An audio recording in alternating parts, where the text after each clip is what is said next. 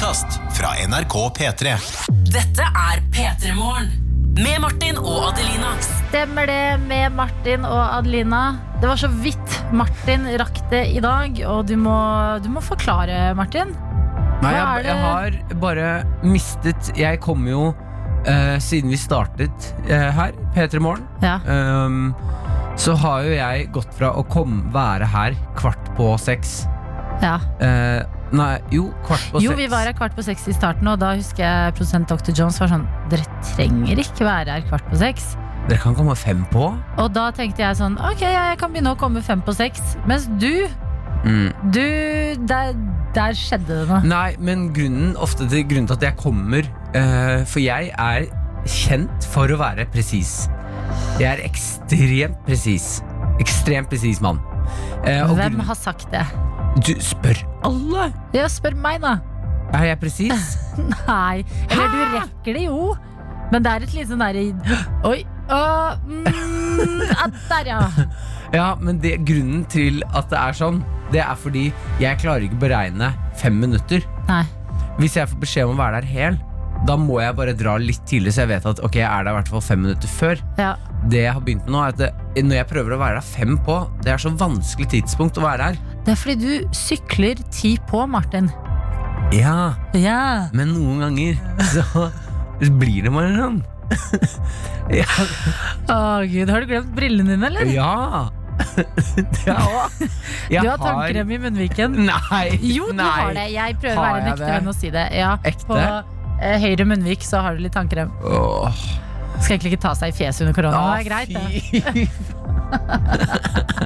Jeg har mistet all respekt for vekkerklokke og morgenstund. Du fikk det- jo så mange gode tips til hvordan få respekten tilbake Ja, for ikke vekkerklokka. gode, gode nok. Det var ikke gode nok. Nei. Men jeg er, på, jeg er her nå og på. Du, Skal drikke helt sjuke mengder kaffe i dag. Ja, jeg har allerede tatt dagens første kopp, og jeg er så jeg er så gira i kroppen i dag. Jeg har gledet meg skikkelig til denne dagen, for det skal, det skal skje så mye gøy. Hva er det som skal skje da?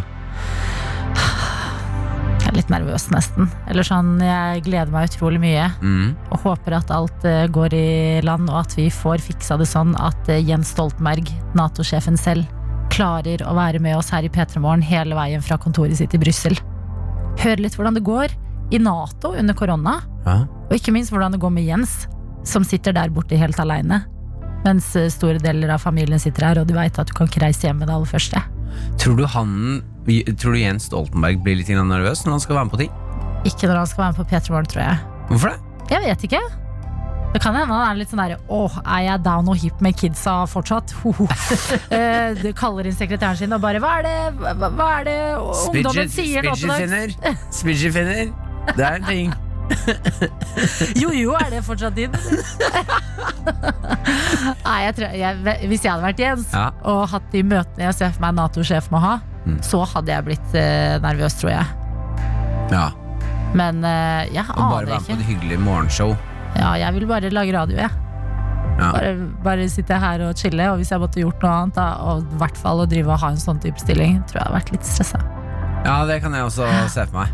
Men det skal i hvert fall skje i dag, Mm. så jeg gleder meg utrolig mye til det. Jeg gleder meg så mye at jeg tok faktisk ansiktsmaske i går. Ja, jeg uh, fikk faktisk med meg det. Ja. Du la det ut på My Story. Mm. Jeg Og da- prøver å steppe opp uh, sosiale medier-gamet mitt. Ja. ja, jeg ble litt misunnelig. Ble du? Vet du Ja. hva? Jeg tenkte en ting. I går så tok jeg en sånn ansiktsmaske som er eh, eh, mødd, på en måte. Ja. Altså sånn, eh, den er sånn gråaktig, og så stivner den. Og så skal du vaske den av etter den har stivnet. Mm. Og så tenkte jeg, vet du hva, jeg har så mange ansiktsmasker, og den her er jeg ikke så glad i. Så den skal jeg gi til deg, Martin, fordi du sa du ikke har ansiktsmaske. Er det sant? Ja, du skal få den, men jeg har den dessverre ikke med i dag. Men får i morgen, da. I morgen får du den. Digg. Den er dødsdigg. Den er bare, altså, den er digg nok aleine, det er bare at jeg har veldig mange digge. Jeg har ikke tatt ansiktsmaske før, så det her gleder jeg meg til. Eh, akkurat nå, jeg vil bare fortelle deg Akkurat nå så suser det gjennom sånn lykkerush i kroppen min. Okay. Fordi jeg merker at det, jeg, jeg tok tre-fire slurker med kaffe, og så begynte jeg å våkne, fikk noe varmt i magen, og nå fikk jeg sånn Ah, livet, ass. Ja, det er de små tingene. Mm. Du inspirerte meg litt faktisk på vei til jobb eh, i dag, Martin. Ja. I bare noen små sekunder. For her om dagen snakket du om at du hadde sykla uten hender. Mm. Se hvor langt du klarte det. Eh, jeg prøvde litt sånn tre tråkk Ja, det er litt skummelt. For det var litt skummelt. Jeg tenkte jeg kan ikke tryne før eh, jobb i dag. Og da fikk jeg også litt den samme feelingen. Den derre ah, livet. Shit, ass. Jeg, ja, vet du hva? jeg skal fortelle denne historien etterpå. Men Ok. jeg har en historie om sykling og tryning på um, trikkeskinnet. Ja, ja, ja. Den Jeg største- har masse å si om det! Ok, det vet, jeg noterer det. Sykling Noter og det. trikkeskinner. Det må skal vi vi prate om snakke i om dag. siden. Ja, ja, ja. Ok, Mens vi noterer, så kan jeg spille av litt. Jeg, har, eh, jeg spurte deg der hjemme, eh, alle våre cowboy- eller cowgirls, om du kunne vi trenger litt uh, kontekst, Martin. Ja. Alle våre cowboy og cowgirls Hvis du ikke har hørt dette radioprogrammet før, så pleier vi å si at vi er morgencowboyene. Ja, Sammen er vi cowboyene om morgenen, eller Yes. cowgirlsene om morgenen. Absolutt. uh, vi sliter fortsatt vi med å finne et bedre ord. Jeg ønsker meg et bedre ord enn cowboy eller cowgirl. Cow people. Cow people. Er ikke det bra, da? Kufolket vårt. Kjønnsnøytralt. ikke, noe, ikke noe cowboy eller cowgirl, som vi også har måttet si. Cow Cow people. people. Dette er P3 Morgen. Med Martin og Adelina. Eh, I går skjedde det jo eh, litt av hvert i dette landet. En av tingene som skjedde, det var at Folkehelseinstituttet løsna litt på regler rundt at besteforeldre og barnebarn kan møtes. Ja, og At man må fortsatt følge rådene. Altså, før har det vært sånn at eh, besteforeldre de er ofte eldre. Sånn at Ja, Nei, det var bare en smart setning, Adelina. de er jo det. Ja, ja, den var god. Den var Og det er jo de eldste Fint at du er forklarer mest, eh, konseptet besteforeldre. Det er alltid viktig med kontekst, ok? Ja, ja, ja. Og så er jo de mest eh, utsatt. Så har man barnebarn, som ofte er unge. Eh, Fordi rundt kanskje er smittebærere uten at de blir så dårlige selv, og derfor har man vært litt ekstra varsom. Mm. Og i går, da det løsna litt på disse koronarådene for ja, eldre og unge, så var det første jeg gjorde, det var å ringe mamma, som jeg ikke har sett siden eh, romjula. Å, er det bare- så lenge ja, det siden, ja? Så, vet du hva, det er så lenge siden, og jeg har hatt så hjemlengsel så lenge. ja. Så jeg bare tenkte sånn her, nei, det går ikke nå, nei, det passer litt dårlig, og så kom korona, og da var det sånn, shit, når kan jeg se mamma og pappa igjen? Mm. Liksom, jeg tør jo ikke reise hjem hvis jeg er noe potensiell smittebærer. Men har de nå løsnet på reglene så det er lov å besøke hverandre hjemme? Og, eller Ja. hvor er Ja, du kan, altså du må bare holde de reglene med en meters avstand, vaske hendene, helst sitte ute, eh, de type tingene. Men det er ikke like sånn ikke møt hverandre-stemning. Eh, og etter å ha lest det, eh, så ringte jeg hjem, og så sa jeg 'Mamma, I'm coming home'. I'm coming home, mamma. og mamma ble så glad, og jeg ble så glad. Og nå bare gleder jeg meg så sinnssykt til at det skal bli fredag og helg, og at jeg kan stikke hjem til Sarpsborg og bare Om jeg ikke får liksom tatt så mye på foreldrene mine, så kan jeg i hvert fall sitte liksom på terrassen og Hørte, drikke kaffe sammen. hørte, hørte du moren din rope sånn 'She's coming home' til faren din? Nei. Ja, det var gøy. Vet ikke om pappa var hjemme. Ja. Det er som regel, vet du hva, det er rart i vår familie Mm. at uh, pappa han er ikke noen sånn telefonfyr. Han kan også ringe innimellom, ringe med en beskjed. Og så prater jeg liksom, så sier han Ja, hva var det du ringte for igjen? Så bare Nei, pappa, det var du som ringte meg. I da Ja, jeg bare holder en samtale gående og spør. Å ja, nei, jeg har ikke noe mer å si. At han er liksom veldig ja, sånn, Telefon, det er kort og presist. All kommunikasjon, det går via mamma. Sånn er det i vår familie. Ja, jeg er enig. Eh, Faren min er ganske god. Jeg tror den morsomste telefonsamtalen jeg har hatt med pappa, Ja. det var når han oppdaget kebab for første gang. Ok, Det er det rareste jeg har vært med på. jeg tok han er med på reisen, liksom? Ja, ja, Han ringte og bare 'Martin, har du smakt kebab?' Nei. ja, Hæ? Har du smakt kebab?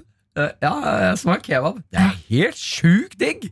Så, hva er det du sier? Jeg har spist kebab, Martin. Og begynte å bare sånn Hvor gammel var han? Eller sånn, hvor gammel var du da? Hvor mange år Det er er det siden? sånn eh, to-tre år siden. Så han var vel sånn Venta han så lenge med å spise kebab? Ja, ja, for han mener at det er tull, vet du. Hvorfor det? Bare fordi det er en annen kultur? Han er rasist. Ja. Til Martin er en rasist fra Nesodden. slutt, slutt, slutt. Nei, bedre se- seint enn aldri. Ja, Er han helt på kjøret nå, eller? Han var der en stund. Ja. Han dro inn til byen. Han, jeg tror han faktisk kom sent hjem fra jobb fra Oslo Ja. fordi han skulle innom og få seg kebab. Tenk, snart åpner også flere kebabsteder igjen, og faren din kan bli en lykkelig mann igjen.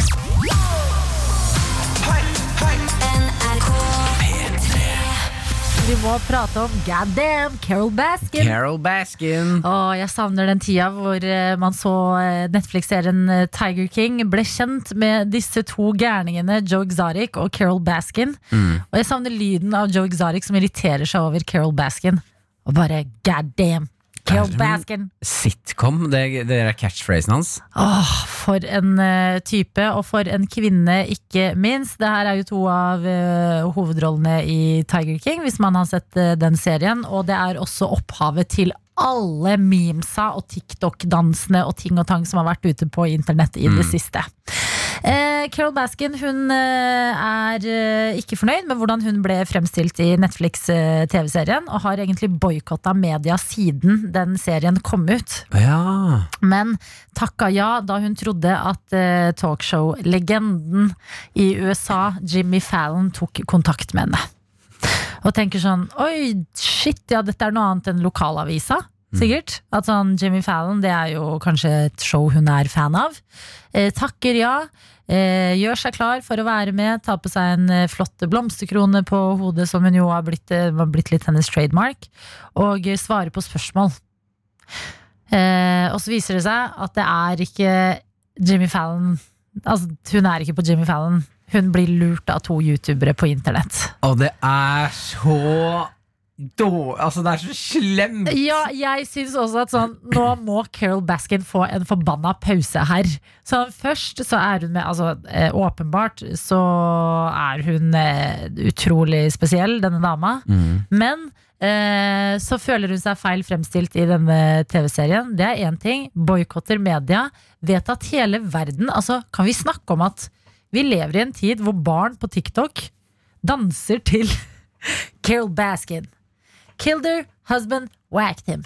Og liksom, det, det er bare sånn Hele verden synger til at Carol Baskin har drept eksmannen sin. Eh, og hun får gjennomgå, tror at hun får liksom ett rør ut til folket, hvor hun kan si litt hvordan hun har følt i det siste. da Og så er det bare lureri. Og det skal sies det er ganske genialt lureri. Fordi de som har lurt henne, de har jo gått inn og liksom hentet klipp av Jimmy Fallon som stiller spørsmål til andre gjester. Så det er litt sånn Ja, for det er over uh, Skype eller Ja. no, ja, ikke sant. Ja. Mm. Uh, men det er også bare Jeg syns at når det er så uh, lett Jeg bare Her i Norge så har jeg masse venner som Ja. går rundt og er sånn Ja, du, Carol Baskin, hun drepte mannen sin. Ja, Hun mata mannen sin til tigre. ja, Som er sånn, og det, jeg også går rundt og tror det. Og bare det at vi kan se en serie fra USA, og nå går det en dame rundt der som jeg og mine venner, og vi er overbevist om at mata mannen sin til tigerne. ja. Det er så sjukt, og vi får det til. ja, jeg vet det. Og så Altså, kommer det masse barn som er sånn Carol Baskin! Hele verden er på Carol Baskin, og jeg lurer på liksom sånn eh, Altså, er vi for lite kritiske? Ja, ja, ja, ja. For den serien, jeg må innrømme, det er eh, han som har laget serien, virker jo like koko som alle karakterene med òg.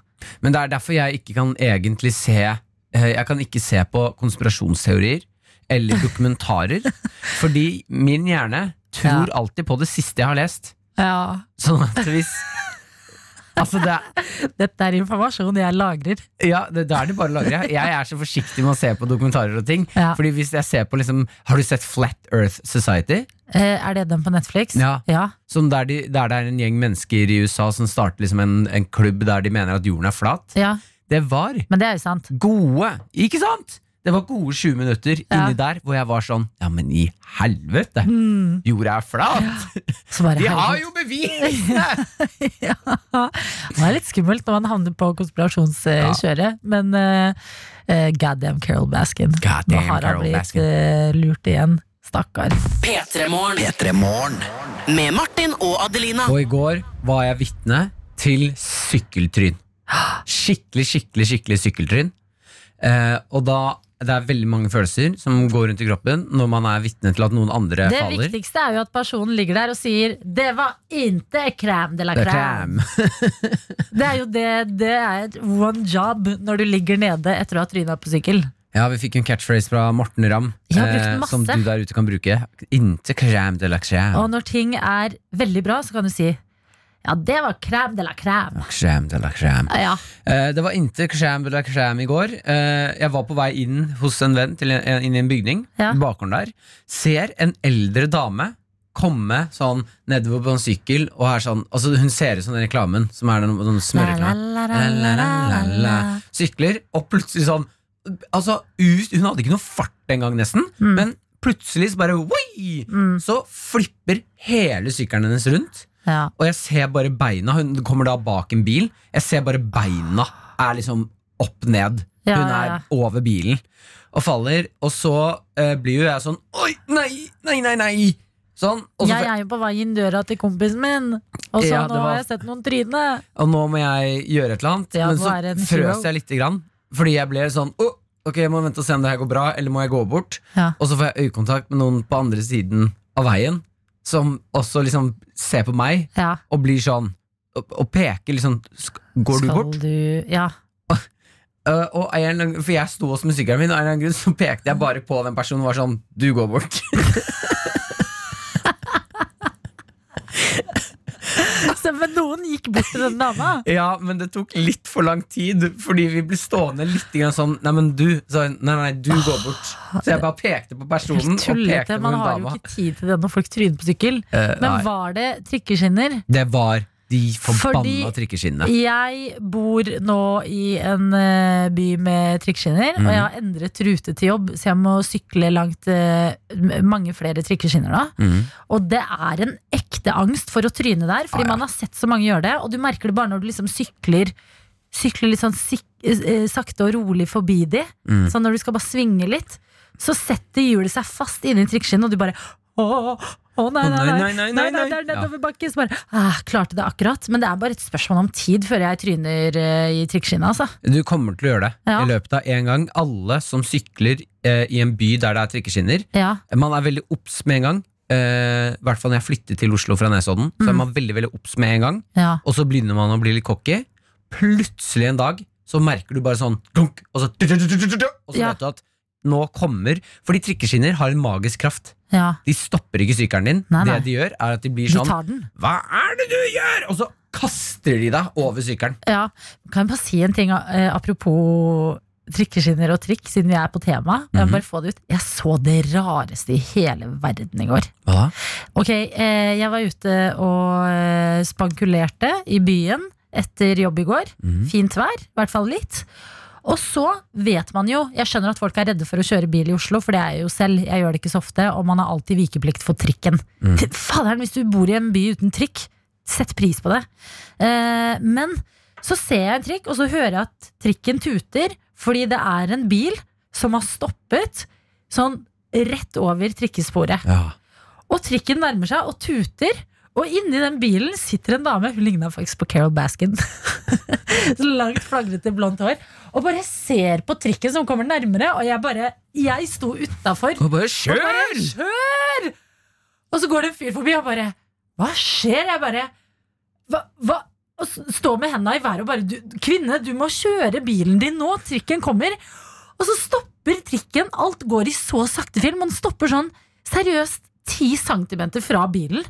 Og da starter hun bilen og kjører videre. Er ikke det det rareste? Oi, hun hørtes ut som hun hadde fått en skikkelig En sånn dare. Ja, eller hun høres ut som hun bare ble helt sjokkert og bare «Ah, Der er trikken! Jeg vet det er vikeplikt for all trikken. Jeg står midt i sporet.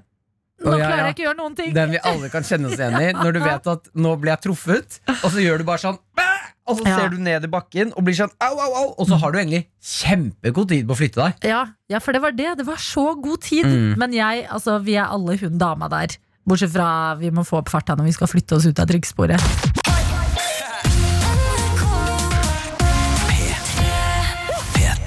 Begynner å nærme seg dagens quiz, og jeg er så gira eh, og spent på eh, deg der ute. Fordi jeg håper at noen har lyst til å melde seg på quizen min i dag. Med tanke på at eh, når jeg har fortalt deg, Martin, Mm. og eh, resten av morgengjengen her i P3 Morgen hva den handler om, så blir alle litt sånn hm. Ja. Du har lagd en quiz om det, ja? Men aldri glem at du lagde en quiz om promp. Uh, ja, ja. Men jeg føler at er, nei, Jeg vet ikke hva jeg føler om den quizen. Fortell hva du har laget quiz om. Ok, eh, jeg har laget eh, quiz om noe som er eh, superaktuelt i 2020. Gravide kjendiser. Og i den anledning kan jeg melde rart. om at eh, Elon Musk, altså Tesla-gründeren, og artisten Grimes, de har nå fått sitt første barn. Mm. Det er ting jeg kan meddele, fordi det, det kommer ikke noe Elon Musk og, og Grimes-spørsmål i quizen. Eh, men dette er, jeg vil si, en veldig god Nå er jeg selvfølgelig inhabil. Dette er en god quiz. Hvis jeg skulle meldt meg på i en quiz, så ville dette vært quizen Mm. Men er dette en sånn uh, quiz man melder seg på hvis man elsker litt sånn kjendisgossip og følger litt med på det greiene der? Nei, egentlig ikke. Dette er mer sånn der uh, Det er kjendis, uh, kjendiser vi alle kjenner til. Mm. Og så er det litt sånn Ok, denne, denne kjendisen røpte da og da at den var gravid. Hva het låta som denne personen vant med Ah, i okay, Så uh, det er eh, ikke nødvendigvis eh, spørsmål om hvem som er gravide, Nei, men nei, nei, eh, det er alltid uh, graviditet relatert til spørsmålet? Ja, altså uh, at, at disse folka venter barn, er den eneste røde tråden. Ellers kan quizen gå i alle retninger. Ah, 1987 med kodeord P3 for å melde deg på denne merkelige quizen. Nei, den er ikke merkelig. Jeg lover at den er skikkelig, skikkelig gøy. Å, jeg gleder Meld meg til å høre, på. altså. Ja, meld deg på, i hvert fall hvis du har sett eh, Hvis du har liksom litt eh, kontroll på populærkultur, liker å se litt TV-serier, høre på eh, listepop og sånne type ting. Da tror jeg du kommer til å klare deg veldig bra. Dette er P3 Morgen. Med Martin og Adelina. Det er tid for quiz, hvor den røde tråden i dag er gravide kjendiser. Og ville vi få noen til å melde seg på? Svaret er ja, og med oss har vi deg, Marte. God morgen! God morgen! Marte, hvor er, hvor er du i verden akkurat nå? Akkurat nå er jeg inne i en tunnel utenfor Larvik, så jeg er straks ute.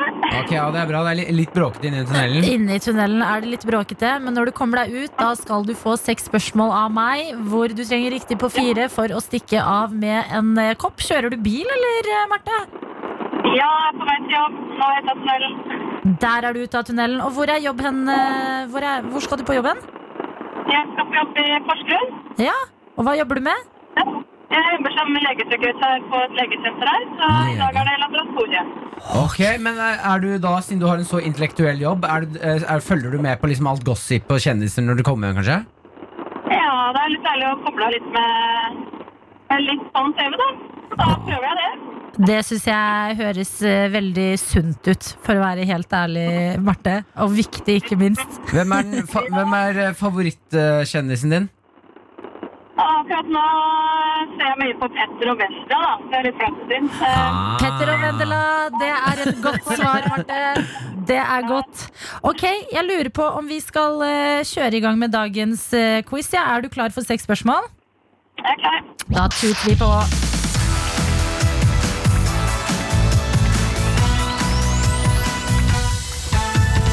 Ja, velkommen til dagens quiz her i P3 Morgen, hvor den røde tråden er gravide kjendiser, og vi kjører på med første spørsmål til deg, Marte. Og jeg spør deg. I helgen kunne pressen røpe at hele Norges Tone Damli er gravid med sitt andre barn. Men hvilket år kom Tone Damli på andreplass i Idol-finalen? Var det 2001, var det 2002 eller var det 2005? Eh, 2002. Det er dessverre feil, Marte. Det var 2005. Som betyr at du mangler ett poeng, men at det er fem spørsmål igjen, så alt kan skje. Ja. Game of Thrones-fan, eller, Marte? Eh, Jeg har sett uh, litt, ja. Men Ok. ikke alt. Det kan hjelpe deg, det kan hjelpe deg nå. Fordi Sophie Turner, som spiller Sansa i Game of Thrones, er gravid med en av de tre Jonas-brødrene. Men hvilken Jonas-bror venter hun barn med? Er det Kevin Jonas, Joe Jonas eller Nick Jonas? Jeg tror det er Nick. Tror du det er Nick? Er du sikker på det? Mm, nei. Nei, jeg ville ikke vært det. um, jeg vil gå for Nick. Nei, det er dessverre feil. Marte. ok, Marte, Da har det seg sånn at du må svare riktig på alle de neste spørsmålene du får. Kom igjen. Jeg har trua. Ja, er. Jeg tror du klarer denne, Marte. Katy Perry er gravid med skuespilleren Orlando Bloom, men hva var det Katy Perry kyssa og likte? Hva sa du? Hva var det Katy Perry? Kyssa og likte. Uh? A girl, det er helt riktig! Ding, ding, ding. Ah, Dagens første poeng er i boks, og vi kjører på. Supermodell Gigi Hadid og artisten Zayn venter et barn. Men hva het popgruppa som Zayn var en del av før? Her kommer noen uh, alternativer. Var det Backstreet Boys? Var det BTS? Eller var det One Direction? One Direction. Det er også helt riktig, Marte. to spørsmål igjen. Kom igjen, hold ut, Marte. Dette her klarer du. Ok, Marte. Si at du er gravid og har lyst Altså du har fått craving på potetgull, og foran deg der har du en bolle med potetgull, men noen andre strekker seg inn og tar det siste flaket. Hvordan reagerer du? Å, kjøp en ny pose! Er beherska, Er det beherska dame minst sinne gravide dama jeg har hørt? Ja, kjøp en ny pose. Men vet du hva? Det er poeng det også, Marte. Det betyr at du har ett spørsmål igjen. Du må ha riktig på dette spørsmålet.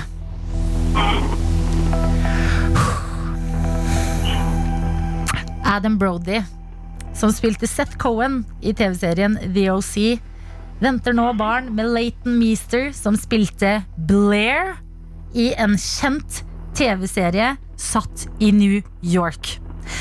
Hva heter serien? Hun spiller Blair. Er. Oversett sladre. Sladre til engelsk. Hva blir det? Sladring. Ja! Ja! Jeg måtte, jeg måtte hjelpe til. Jeg måtte hjelpe til. Kom igjen, bra, Marte!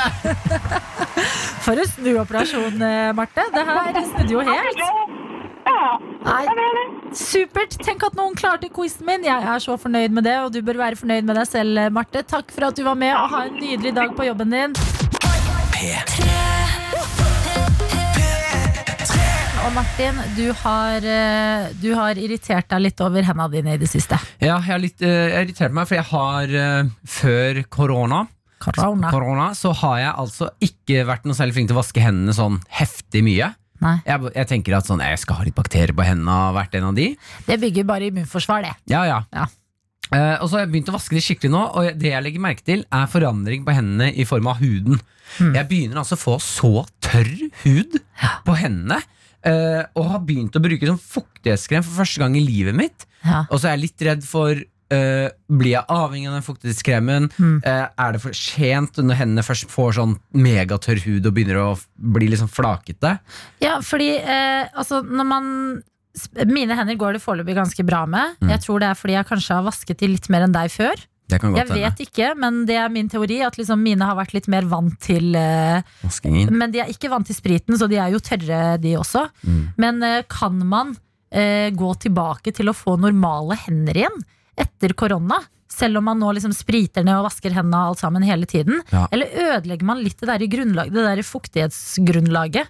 Fuktighetsgrunnlaget? Jo, jo, men fordi huden har et sånt lag, sånn fettlag og sånne ting. Ja, eh, Som vi, når du vasker eh, kroppen og hender og hud for mye, så fjerner du det laget. Mm. nettopp. Det mener jeg da Men det, altså vi har så mange spørsmål, Ja. så det vi har gjort nå til deg der ute Vi skal eh, nå finne ut av litt ting med huden og hvordan vi skal håndtere det her. Mm. Vi har hentet inn en ekspert.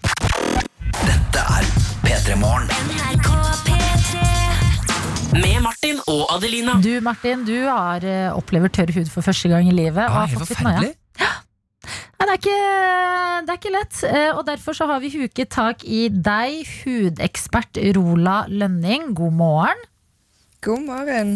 Du har litt mer eh, peiling på hva all den her vaskinga og spritinga gjør med huden vår enn oss. Så hva skjer egentlig når vi vasker hendene og spriter de hver eneste dag og blir tørre? Jo, det er jo sånn at huden produserer en del oljer og sånt i seg selv som er med på å beskytte huden og smøre huden og styrke hudbarrieren, sånn at man på en måte har et lag der mot alt av ytre påkjenninger. Og når vi da vasker huden veldig mye med harde såper og i vann eh, alene, så er det nok til at man stripper på en måte huden for de naturlige oljene som produserer. Og da må man tilføre de enten gjennom en krem eller en olje eller noe sånt som man kan sove med, f.eks.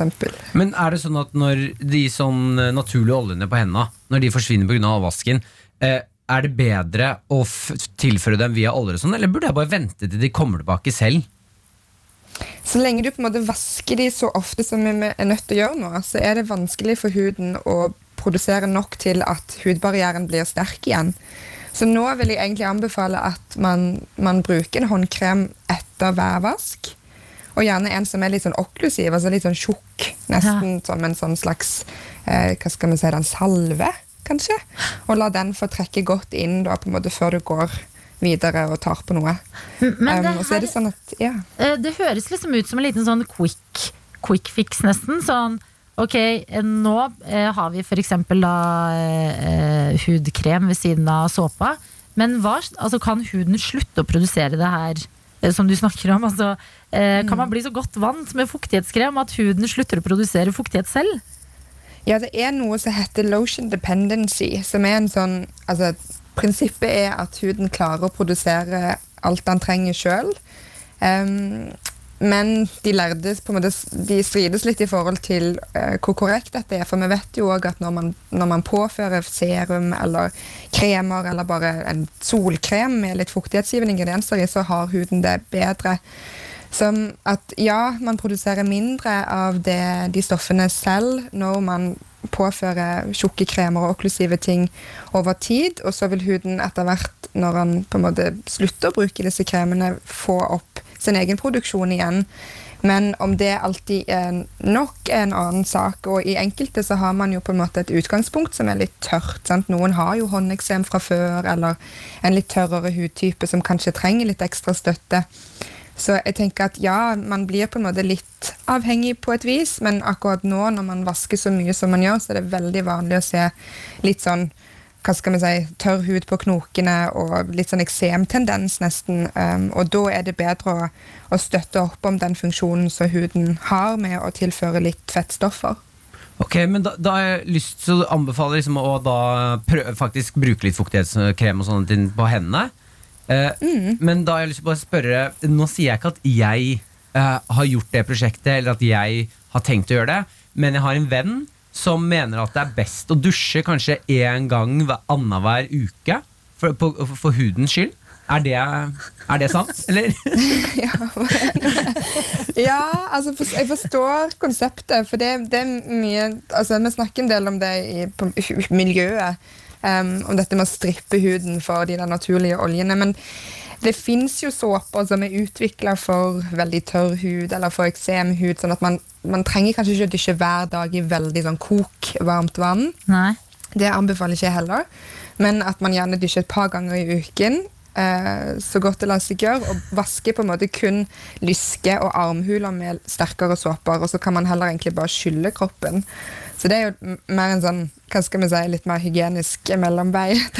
Jeg, syns det hørtes veldig bra ut, ja, Martin, at du skal si det til vennen din. At eh, ikke gi opp dusjinga helt ennå. Ja, Fordi jeg føler denne vennen din Det er deg. Uh, og jeg vet ikke om jeg orker uh, at det skal gå to uker mellom hver dusj når vi sitter så tett som vi gjør. ja, det er sant. Men ok, Rola. Da er uh, altså Tjukke hudkremer er rett og slett vår venn nå i, eh, i eh, Corona Times. Ja, jeg vil si det. Og så går det jo an å på en måte sove med de om man ikke liksom har lyst til å gå og smøre seg gjennom hele dagen. Så fins det jo et sånt lite triks med at man kan sove med bomullshansker. Um, og la kremen, mm, la kremen trekke godt inn eh, gjennom natten, så er du på en måte litt mer rusta til det som skjer i løpet av dagen. Det hørtes jo dødsdigg ut. Litt sånn spa for hendene mens du sover. Ja, ja. All right. Nei, men da har vi litt mer eh, peiling, og eh, mitt, eh, eller ditt råd, som jeg i hvert fall skal følge, det er å smøre hendene litt eh, oftere. Nå som vi vasker de og spriter de altså så mye som vi gjør.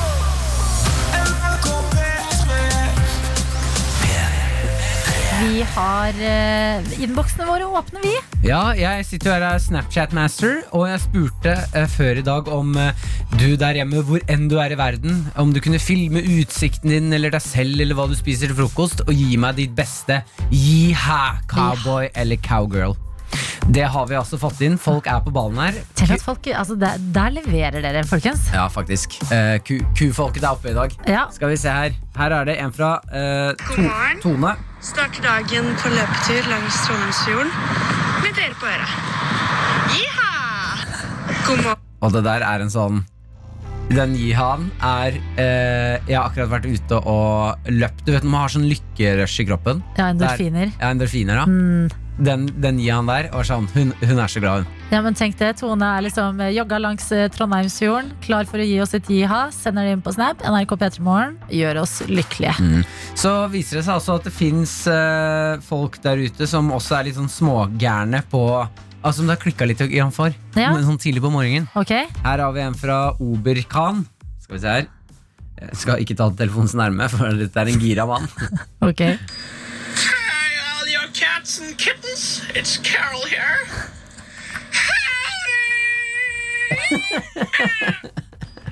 Har vi fått snap av Carol Baskin? Dette er P3 Morgen. Med Martin og Adelina. Og jeg har, altså, det er en sak på nettet nå som jeg syns er så koselig. På internettet. Og in- det store internettet.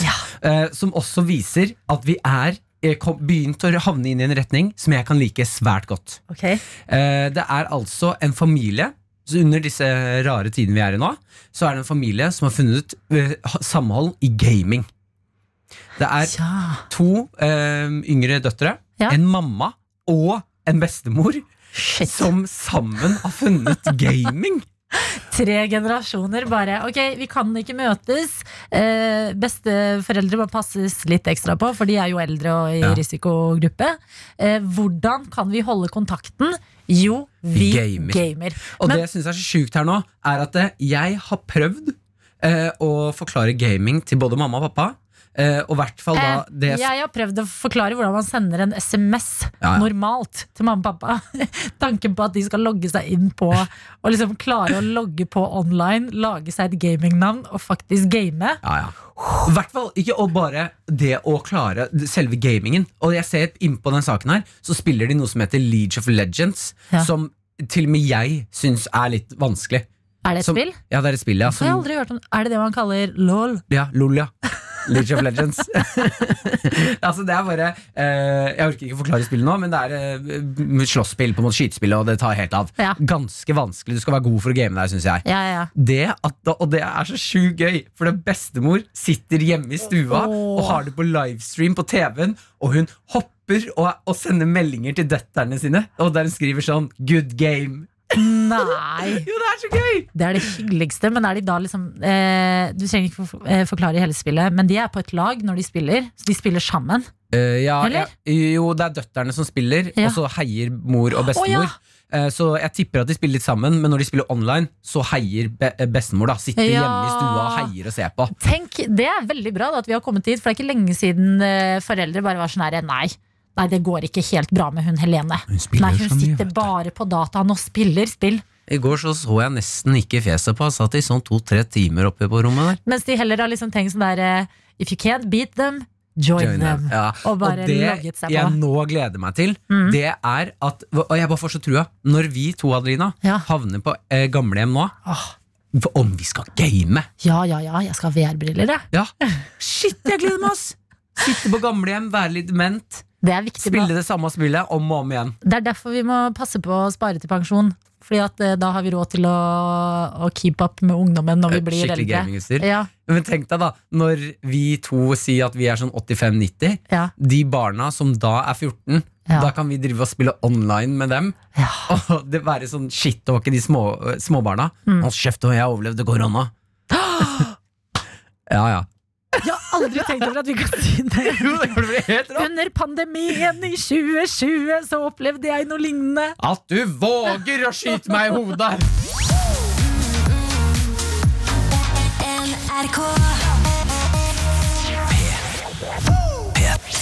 Det er ikke en helt vanlig tirsdag her hos oss i P3 Morgen. Det er en eh, staselig tirsdag hvor eh, vi rett og slett har satt opp linja til Brussel. Og Natos hovedkvarter for å prate med sjefen sjøl, det er deg, Jens Stoltenberg. God God morgen! God morgen, det er veldig hyggelig å være sammen med dere uh, denne tirsdagsmorgen. Vet du hva? Det er så hyggelig å ha deg med, Jens. Jeg vil også bare si til folk som kanskje har liksom savnet å se Jens prate. uh, det kan du se inne på nrk.no slash alltid sammen akkurat nå. Jens, hvordan går det med deg? Altså Med meg personlig går det bra, uh, fordi jeg er sunn og frisk og vasker hendene mine og gjør alt jeg får beskjed om. Men, men det er jo en veldig rar stemning i Brussel. eh, og, og det er en blanding av litt dystert, fordi Belgia er blant de landene som er hardest eh, rammet av koronaen. Men også litt sånn fin stemning, fordi folk er sammen og føler et fellesskap. og og, det gjør noe veldig fint med mennesker. Men eh, når man er eh, sjef for eh, Nato, altså du er jo generalsekretær, eh, hvordan er din dag annerledes nå under korona enn den eh, var før? Så Den er veldig annerledes, fordi at en veldig viktig del av min jobb er å reise rundt. altså Reise til hovedstedene. Nato er jo de fleste europeiske land og USA og Canada. Jeg har reist mye der, og også f.eks. Afghanistan og andre steder hvor Nato er. Og det gjør jeg ikke lenger. Så jeg har bare vært i Brussel siden midten av mars, og det er helt nytt. Uh, Og her på hovedkvarteret så er vi normalt over 4000 mennesker i et svært bygg som ser ut som en flyplass, på en måte. Uh, uh, Og nå er vi noen hundre mennesker, så det er, litt, det er tomt her. Det er, det er rart her. og og jeg er her noen dager i uka, og så har jeg jobber en del hjemmefra. Så det er en veldig annen arbeidssituasjon. Eh, jeg lurer på, Kaller alle deg på jobb General of Secretary, eller er det noen som sier Jens? Nei, de sier veldig generalsekretær her nede. Ah, ja. Ja. Ja, vi, Så, det er, eh, så det er sånn det er. Eh, Og, og det er det er, altså det er farlig å si at jeg venter meg til det, for jeg tror man aldri skal venne seg til å bli omtalt som generalsekretær og ikke som Jens. Men, eh, men det, det, er liksom, det er på en måte institusjonen, eh, generalsekretæren, som går rundt her, ikke Jens. men vet du hva, Så Jens? det er, Vi fortsetter å kalle deg Jens eh, her hos oss. Og eh, jeg lurer bare på, sånn, fordi én ting er hvordan det faktisk er annerledes på arbeidsplassen når det er mindre folk der og sånn. Eh, Men det er jo snakk om Nato, det her. Det er eh, gigantisk, det er superviktig i internasjonal sammenheng. Altså, eh, har Nato kontroll på alt eh, som bør være kontroll over akkurat nå? ja, altså Nato er oppe og står og, oppe og går, så alle de som skal være i flyene sine, alle de som skal være på skipene sine, og alle de som skal være på basene sine, soldatene og alt alt, alt det andre som Nato handler om, og hovedkvarterene, eh, de er oppe og går hele tiden eh, og passer på. Fordi eh, Nato kan jo ikke ta pause, Nato kan ikke legges ned. Nato eh, fungerer hele tiden. Så når jeg snakker om hovedkvarteret her, det er her veldig mange av de sivile jobber. Vi har jo mange militære hovedkvarter, og de er jo på jobb absolutt hele tida. Uh, og selv de sivile jobber jo, men eh, som, som i mange andre steder jobber flere av dem eh, hjemme. Men selve altså Natos hovedoppgave, å sørge for at nesten 1 milliard mennesker lever trygt uh, i fred, den uh, fortsetter vi å løse hver eneste dag midt oppi koronakrisen. Eh, Da, da lurer jeg på, hvordan ser For det er jo stort du sier Nato, vi kan ikke legge ned, vi må fortsette å gjøre jobben. Men hva- er egentlig en dag for deg? Hvordan ser det ut? Ja, Nå under koronakrisen så er den slik at jeg, jeg da kommer ut her på Nato-hovedkvarteret, og, og så leder jeg møter, men det er mange færre møter. Eh, og jeg leder jo da møter Normalt kommer det folk fra, fra, fra, fra Nato-land, fra USA, eh, fra Europa, og møtes her i Brussel. Eh, Nå har jeg da begynt å lede møter på eh, Natos eh, hemmelige videokonferansesystemer. Vi må jo ha hemmelige møter, så det er litt ekstra sikkerhet rundt det. Hva snakker du om Men vi har gode systemer for det. Eh, Hva sa du? Hva snakker dere om på de hemmelige møtene? Nei, da snakker vi om uh, alt fra hvordan vi passer på at terrororganisasjoner ikke prøver å ta, dra fordel av den usikkerheten som nå er. Vi ser at IS eksempel, i Irak og Syria prøver å styrke sin posisjon, komme tilbake. Det er viktig at vi unngår. Så snakker vi om uh, hvordan vi kan hjelpe de sivile i arbeidet mot uh, koronaen. Altså, det, er jo ikke, det er jo sivile helsemyndigheter som gjør store, eller hovedjobben, men uh, militære hjelper dem med å frakte utstyr, med å sette opp feltsykehus, med å eh, passe på grenseoverganger. Så eh, Nato og militæret gjør mye for å hjelpe den sivile innsatsen i kampen mot korona. Men kan det være at fordi man er litt ekstra sårbar eh, i, i verden akkurat nå, med tanke på korona, at eh, så kan man si på en måte at verden er litt mer utrygg også? Ja, Man kan nok dessverre si det. og, og Derfor er Natos hovedoppgave er jo å sørge for at en helsekrise som er alvorlig i seg selv, ikke blir eh, enda mer alvorlig ved at det blir en eh, sikkerhetskrise.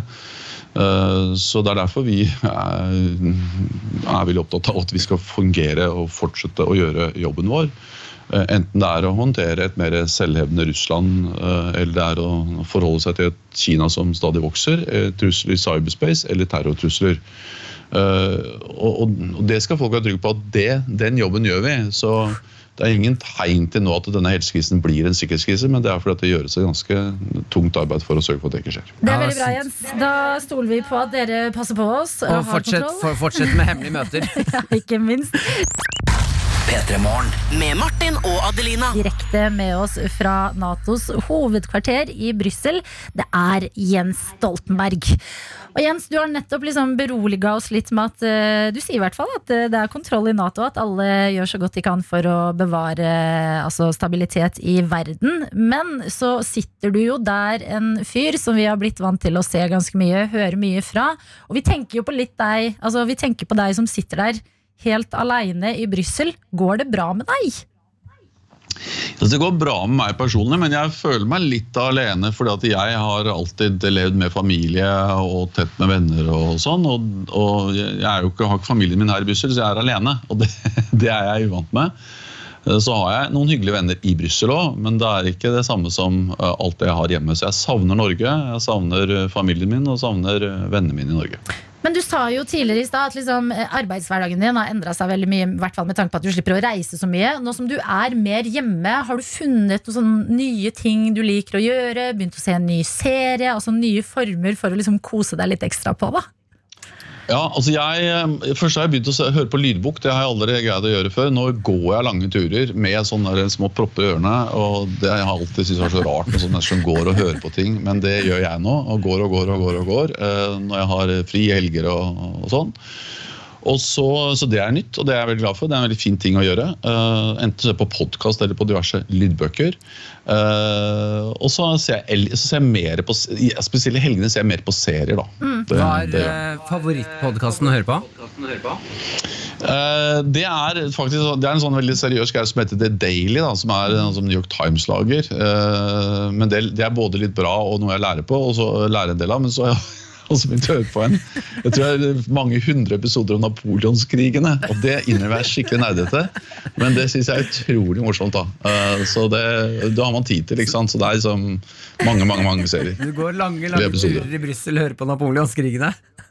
Ja, og det er jo det her var det jo egentlig det sluttet. For det, vi er, er 20 minutter fra Waterloo, der eh, Napoleon tapte. eh, Og noe av det som gjør at jeg, Det er mange spennende ting med Brussel, men en av de spennende tingene med Brussel er at det er veldig nær slagmarker som har preget Europas historie. Waterloo er én ting, men noe som heter Ypres, det er noen av de verste slagene i første verdenskrig skjedde. Eller Ardenner-slagene under annen verdenskrig. Det er én time å kjøre fra Brussel. så jeg har faktisk sett at jeg kom hit, tenkt at eh, Som generalsekretær i Nato så er det greit å bli minnet om hvor brutalt og fælt krig er, og hvor nært det er oss i tid, og men også i rom her i, midt i Europa. Og, og sånn sett så har jeg litt Jeg liker bare litt, jeg har stor glede av å lære om det. da. Men jeg håper du får tid til å liksom, høre på litt fjas og sånn det, jeg blir litt bekymra.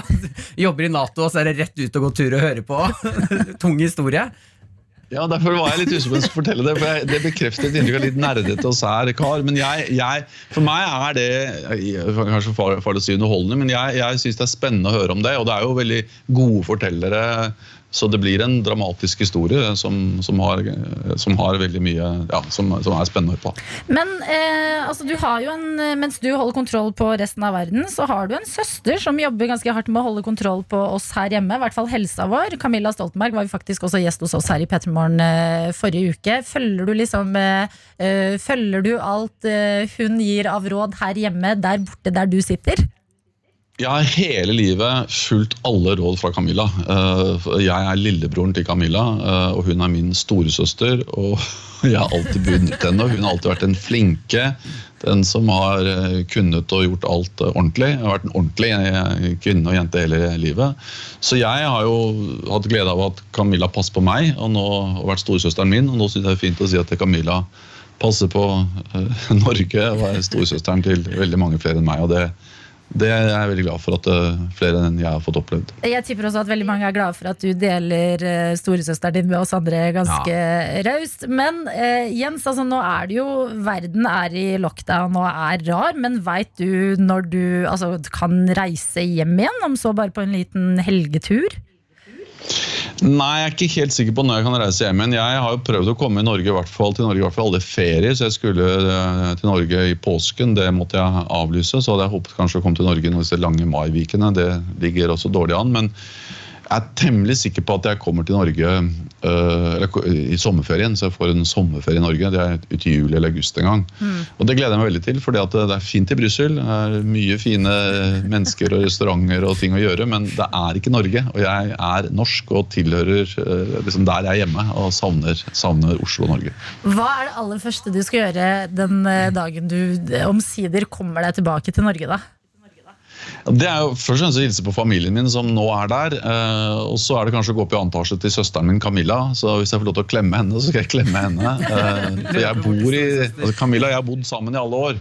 Så, men jeg tør jo ikke å gjøre noe ulovlig. Eh, så jeg må jo holde avstand. Eh, hvis det ikke da har blitt litt mer lov å treffes og møtes og klemme og hilse eller hva det måtte være i august-juli når jeg håper å komme til Norge. Åh, du, nå lurte jeg på en ting, fordi at uh, I Norge har vi jo i hvert fall uh, omfavna litt de nye hilsemåtene, som er liksom å unngå handshaken. Men jeg ser for meg at i Nato er det ekstremt mye sånn formell hilsing. Er det sånn at dere sparker hverandre i føttene når dere skal si hei til hverandre? Hva, hva går dere for der? Altså I begynnelsen så gjorde jeg det, og jeg har gjort det med noen av disse generalene. Det ser så direkte kleint ut. altså Vi gjorde sånne albuer, og, og det var helt altså, så det, nå, gjør vi ikke, nå gjør vi ikke det heller lenger. Uh, og Det er, vel en sånn idé om at det er disse her tometerne eller halvannenmeterne som møter folk gjort det heller, og det syns jeg egentlig er like greit. Så det var en liten kort periode der hvor vi tenkte at vi ikke skulle ta hverandre i hånda, men, men gjøre sånn albuer og sånn. Det var litt kleint og virket litt rart, så nå tror jeg det er egentlig like greit at vi bare nikker. Eh, som vi da gjør på to meters avstand. Der alle var sånn, vet du hva, La oss slutte med den albuen. Ja, det, altså det, Jeg følte det i hvert fall var veldig fremme, da, og alle lo. og Det var en sånn fnising eh, i uniform og i dress mellom menn i sin beste alder.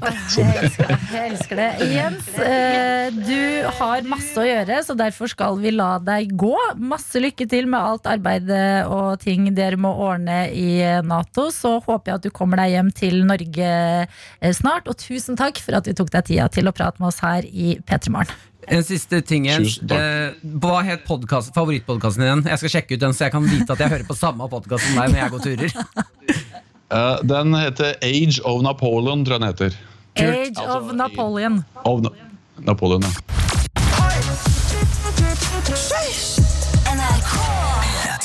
Jeg uh, må faktisk rette en unnskyldning til noen mennesker der ute i verden i dag. Ok. Jeg hadde Jeg kan egentlig spørre deg, Adelina. Eh, opplever du Jeg sliter litt grann med at jeg har en tendens, en uvane, av, med å stirre på folk. Er det noe du kan kjenne deg igjen i? At jeg stirrer? Ja, At du kan stirre på folk? Nei, ikke stirre. Jeg kan uh, kikke mye, men jeg vil si jeg er ganske liksom uh, Kaster et raskt blikk. Mm. Men stirre, det å liksom feste blikket, Mm. da har jeg mest sannsynlig sona ut, og det er helt tilfeldig at blikket mitt har festa akkurat uh, der. Ja, fordi jeg tror jeg sliter litt med det. Ja. Jeg, har en, jeg, har, altså, jeg har kommet i flere situasjoner. Jeg har vært i England, blant annet. Mm. Litt. Eh, Og, du, og det er så synd! Jeg håper noen så på streamen nå. Den bevegelsen Martin gjorde etter å ha sagt 'Jeg har vært i England', blant annet. Mm. Sånn armen opp og bare Ikke for å skryte, men, Men du har vært i England, og ja, det er noe å skryte av. Ja, der opplevde jeg at en fyr kom bort til meg og var sånn Hey, take a picture, it will last longer.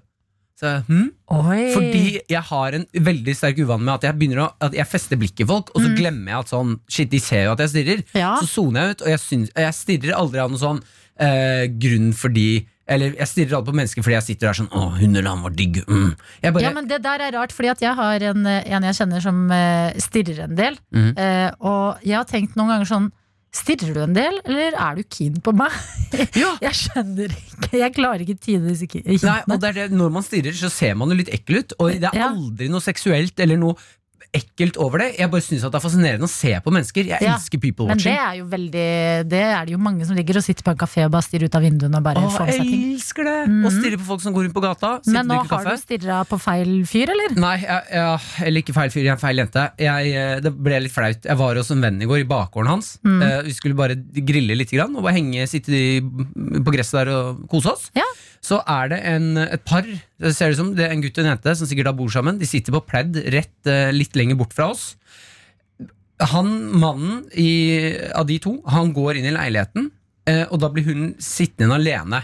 Jeg fester blikket mitt til henne uten å tenke meg om. Mm. Jeg sitter da og stirrer og bare ser på henne. Og bare liksom Bare ser litt på henne og er sånn ja, Sånn hår, ja, ja, sånn stil. Og bare, jeg sitter egentlig bare og koser meg. Eh, uten, det er ikke noe ekkelt over det her Mm. i mitt hode. Ja, du tar deg ikke nedentil eller eh, Nei. Ergos, liksom? Du bare stirrer. Det er ikke noe ekkelt over det ikke her. noe nedentil. Nei. Uh, plutselig så skjønner jeg at hun har liksom spotta det og sikkert sett det kjempelenge. For da reiser hun seg bare liksom bestemt opp, og så tar hun pledget sitt, så drar hun det bak en busk Ja. som er ved siden av oss, og så legger hun seg der. Når gutten kommer tilbake, så hører jeg at han sier sånn Hva skjer? Så hører jeg at hun sier sånn Han stirrer. Nei. Jo. Åh. Altså, vi er sånn «Å, opp, opp, opp, opp». Og Jeg er ikke 100% sikker på at det var det hun sa, men jeg syns jeg hører noe sånn. Ja. Og så ser jeg da at han titter fram bak busken mot meg for å se liksom hvem er det som driver og stirrer på oi, dama oi, mi nå. oi, oi, oi. Og jeg blir så stressa og bare Ja, nei, jeg kommer til å få juling. Åh, Ja. Martin, du må jo lese, lese an situasjonen før du begynner å people-watche fritt. Ja, Det er jo regel nummer én. Ja, Du må jo liksom sitte der og bare Ok, eh, ser andre meg tilbake? Hvis svaret er ja, de Så ser jo meg tilbake, da må du passe litt på hvor lenge du holder det blikket. Men jeg bare mener at her må vi mennesker slutte å være så stressa og usikre på oss selv. Mm. Hvis noen stirrer, så må jeg synes at vi skal ha mer aksept. Det er jo ikke det at hun er usikker. Mm? Hun er jo ikke nødvendigvis usikker bare fordi hun syns det er irriterende at du stirrer. Nei? Nei. Ok, jeg bare sier at det, det burde være lov å stirre litt. Vi burde ha mer aksept for å stirre litt på hverandre. Jeg bare sier at kanskje hun ikke syns det var så hyggelig. Har du sett hvor gøy menneskefjeset er? Ja, jeg er enig. P3 Morgen. Med Martin og Adelina. Internettets mann og vår videojournalist Daniel Rørvik. Ok, Adelina, kan du ta rappen? Ja. Få høre. Ungdommene opptatt av å knytte nøtter Ung, ungdommen er eksperter på PC og data og knytter nøttetråder til utenlandske stater. Og dermed i dataverden. Verdens beste verden. Eh, I går så, så jeg litt på Dagsrevyen, og da så jeg den neste, den neste store multimilliardæren i Norge. Det er en fyr som heter eh, Fyr. Han er, han er ti år gammel og heter Torbjørn. eh, og Torbjørn det er en utrolig sett reportasje som er fra Drangedal, som ligger i Vestfold og Telemark fylke. Eh, som da altså hugger ved for å få råd da til en spesiell ting. Vi kan bare høre litt her. Dette er ti år gamle Torbjørn. Mens han sager tjukke rundstokker, står han og dagdrømmer. Drømmen er at tømmeret skal bli til noe mye større. Nei, det er å få nok penger til en traktor, kanskje. I framtida. Og Torbjørn står da altså i reportasjen med fullt sånn ref, eh, refleksjakke og kamobukse og fullt liksom sånn Uh, utstyr for å manøvrere uh, sag og øks. Og det han da har gjort, er at han har da manuelt, altså med håndsag og med øks, har han da solgt og laga 40 po sekker med ved, som han har solgt videre. Men ta 40 sekker med ved Det som han er har sagd. forbannet mye Det er mye, det er mye ved. Noen må gi denne kiden en sånn her eh, tre, trehoggermaskin. Ja, men han ikke er ti år, vet du, for litt vanskelig og litt skummelt å manøvrere. det? Ja. Eh, og det Øks er mye bedre når du er ti. Det er sant. Eh, og det da Det jeg da spår, er jo da at han her Torbjørn her kommer til å bli noe stort. Fordi at han har utvida bedriften sin. Jeg har kjøpt meg en eh, gressklipper som jeg klipper og kjører litt med. Har en henger til den her. Så i går så kjørte jeg noen blomster for nabodama Karen. Hva slags tiåring er det her?! Hva? Han har like mange timer i døgnet som Beyoncé. For det er det som, den saken jeg har fått meg til å tenke. Hva gjorde jeg som tiåring? Jeg gama Nintendo 64 Ja. og spilte fotball. Jeg drev ikke en bedrift, nærmest, der jeg investerte i nye ting hele tida. Vet du, hva, det- Tiåringer Ti år. det her er, sjukt. Han må være en gammel sjel inni det. ass. Når jeg var ti år òg, så gikk jeg rundt fra dør til dør og solgte korker. liksom Og det eneste jeg fikk da, var sånn Ja, du kan få fem kroner fordi du Det er er idiot. veldig mye, da. Du solgte korker? Ja, brukte korker. Altså bruskork, liksom. Ja, Vin og brus. Mamma og pappa drakk en del, så jeg måtte være mye ute og huske. Men, Men eh, hvis du da fikk fem Det er jo ganske mye, da. ja, det var, det var en god dag, altså. Um, Ok, Ja. Hvor mye kunne du dra inn på en god dag, da? Jeg tipper tre- 30-40 kroner. Men vet du hva jeg skylder på? Jeg skylder på at vi måtte drive og selge lodd for uh, håndballagene og sånne ting. Fordi den tida der kunne jeg brukt det mer effektivt. Men jeg måtte drive og gå ut i regnet og selge lodd. Ja, men hadde du Hadde du brukt den tiden effektivt, Adelina, når du ikke var ute og solgte lodd? Jeg hadde jo det, for det fantes jo ikke Netflix da jeg var ti år. Å, fy! Jeg hadde funnet Netflix når jeg var ti år. Wow! Eh, men det som er gøy, er å tenke liksom sånn Ja, han kommer til å bli en mult... Altså, han kommer til å bli nye Olav Thon, nye Bill Gates. Det var jo sånn Petter Stordalen starta. Nå er det jo litt dårlige dager for akkurat han. Men eh, han starta jo med å selge, gå dør til dør og selge tannbørster. Bruskorka. Tannbørster. Og da må jeg si Nye tannbørster. Han tiåringen her høres ut som en, eh, en bedre altså, det, det høres ut som et Petter Stordalen jeg vil ha. Høres ut som hva? En Petter Stordalen jeg. Eh, har men, drukket litt, så det er bare men det som er gøy å høre, liksom, for uh, reporteren hinter jo frempå liksom, ja, hvor, hvor stor skal denne bedriften bli, da? Det er ganske søtt å høre det svaret han har, han Torbjørn. Skal vi holde oss til Drangedal kommune, kanskje? Eller skal, skal vi gå enda lenger? Kanskje opp i Trøndelag? Det, Er det fyren fyr der?! han, er, han er nøktern, da. Han vet liksom Det er maks til Trøndelag at denne bedriften kan holde ut.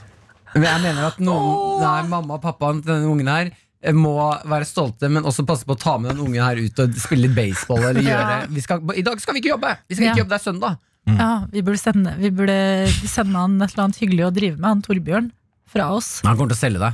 Han kommer til å selge det! Ja, Det er ja. bare det han gjør! Fader, for en businessfyr! Ti år, da er Torbjørn et navn alle vet om. Godt Vet sagt av meg. Du hørte det Du hørte det den 5. mai 2020 i P3 Morgen fra Daniel Rørvik i Daniels datahjørne. Dette dette er et navn å merke seg.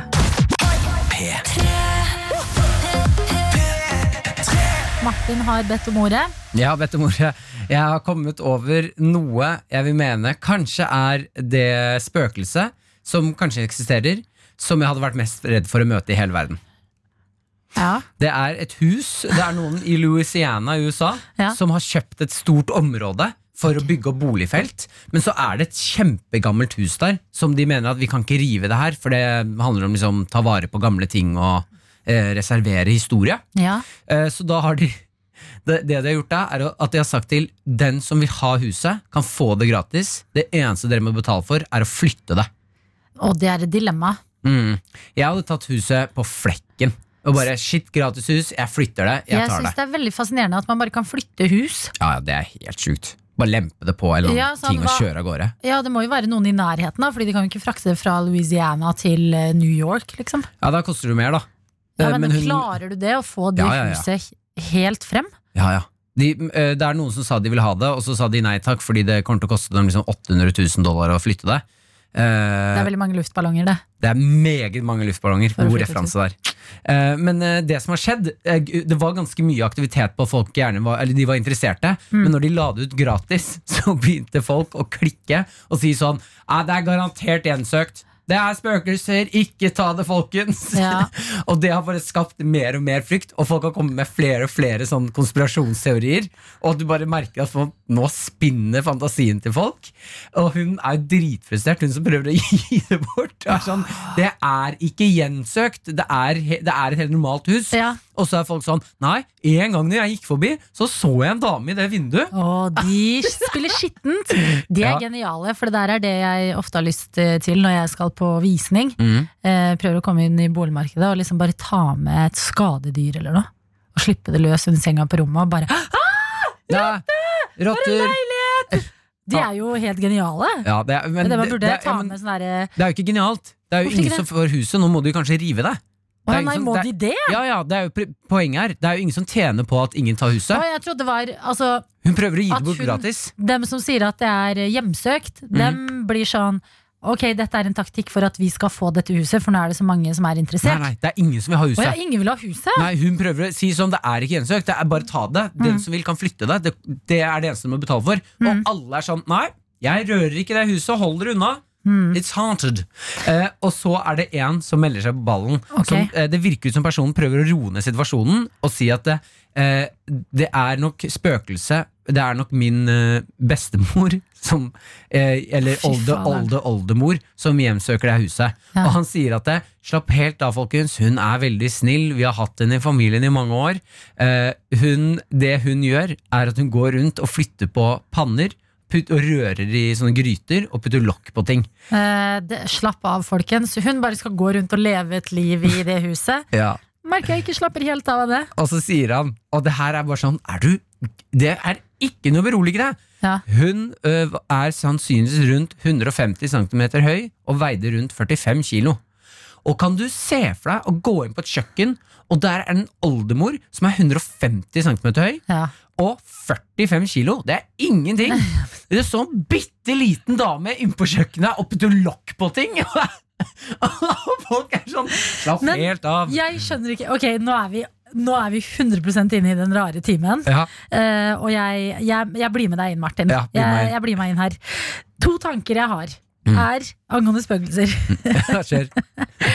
De er jo gjennomsiktige. Altså, de kan jo ikke bære ting, de. Hun kan jo ikke røre i en gryte, for hun får jo ikke tak i sleiva fordi hun er gjennomsiktig. Ja, det er det man tror, da, men uh, mange spøkelser som paranormal activity, så Ja. klarer de å liksom bryte den barrieren og løfte på ting og flytte på ting med Og jeg, ser, jeg ser ikke skrekkfilmer, så jeg har ikke helt tempen på hvor eh, spøkelsene Nei, ligger an dagen om de har mye kraft. Eh, tanke nummer to. Det Mm. kan jo hende at hun oldemora her har en tilknytning til stedet, og ikke huset. Ja. At hvis man flytter huset, så blir hun fortsatt igjen Og det som er skummelt, da, det, for det der er en veldig god tanke, Adelina. Okay. Eh, Det er veldig mange folk gjør, feil i spøkelsesting, Ja. det er å flytte den tingen. Ikke sant? Hvis du flytter huset, så tenker man hun blir igjen her. Ja. Hun blir nok med i huset, Ja. og så blir hun illsint når de har flytta.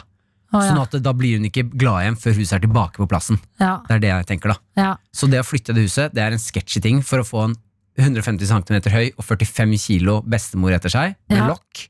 Nei takk. Men jeg føler også Å, det er så dypt inne, men jeg må bare bli med hele riden.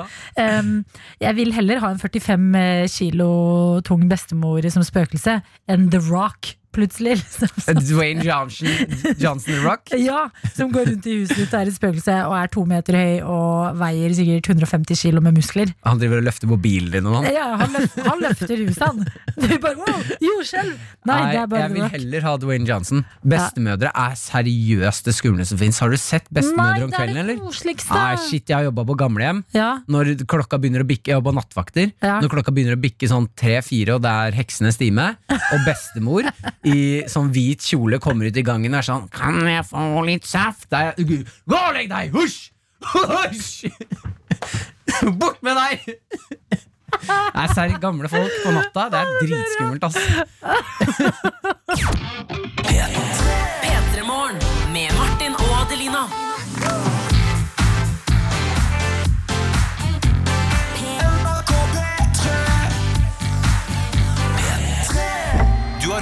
Podkast fra NRK P3.